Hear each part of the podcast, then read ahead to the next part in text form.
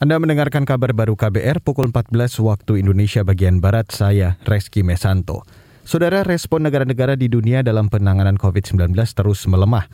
Menurut epidemiolog dari Universitas Griffith Australia, Diki Budiman, hal itu disebabkan faktor kelelahan dan kejenuhan akibat dampak besar yang ditimbulkan pandemi, terutama sektor sosial dan ekonomi.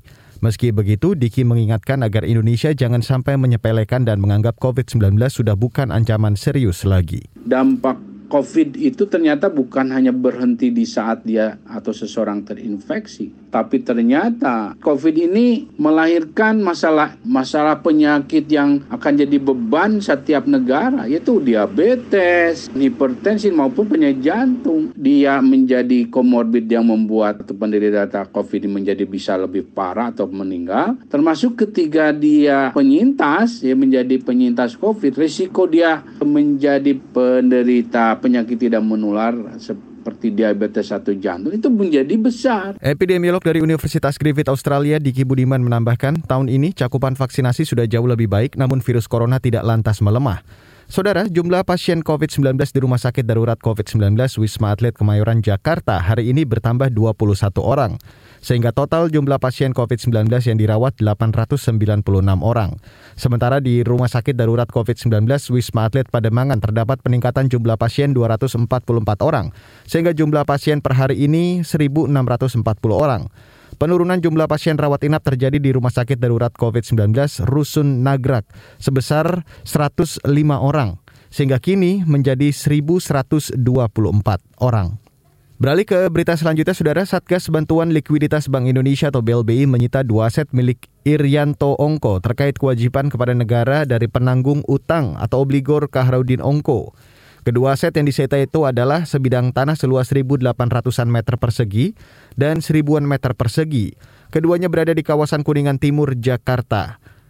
Pemerintah selanjutnya akan melakukan penjualan aset tanah tersebut secara terbuka atau lelang. Pelaksanaan penyitaan dilakukan karena Kaharudin Ongko selaku penanggung jawab utang kepada negara hingga kini belum menyelesaikan seluruh kewajibannya sebagai obligor Bank Umum Nasional dan Bank Arya Panduarta.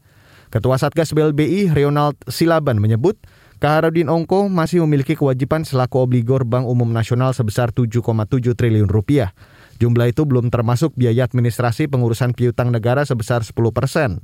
Selain itu, selaku obligor Bank Arya Panduarta, Kaharudin Ongko juga masih memiliki kewajiban sebesar 359 miliar rupiah yang di dalamnya tidak termasuk biaya administrasi pengurusan piutang negara sebesar 10 persen.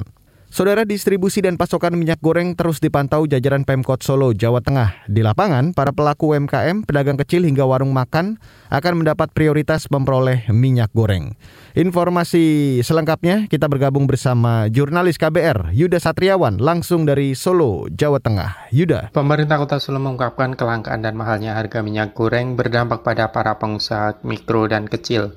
Wakil Wali Kota Solo Teguh Prakoso mengatakan selama ini banyak pedagang yang menggantungkan kehidupannya pada minyak goreng sebagai bahan baku dagangan. Menurut Teguh, Pemkot Solo terus memantau distribusi dan stok minyak goreng baik kemasan maupun minyak goreng curah di pasaran. KM, ini gorengan ini ini ya itu kita serang dulu, kita kita kasih jatah dulu. Itu kan hampir semuanya berhubungan dengan minyak goreng, ya kan?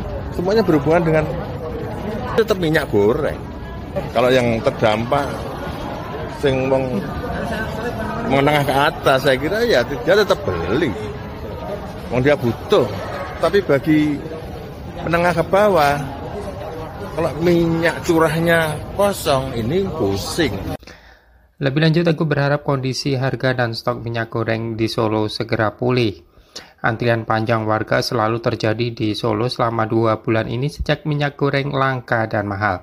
Operasi pasar minyak goreng yang digelar Pemkot Solo belum mampu mengurangi beban warga tersebut.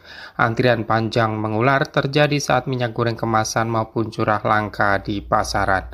Dari Solo, Jawa Tengah, Yuda Satriawan, KBR. Baik, itu dia Yuda Satriawan melaporkan langsung dari Solo, Jawa Tengah. Dan saudara, demikian kabar baru saya Reski Mesanto.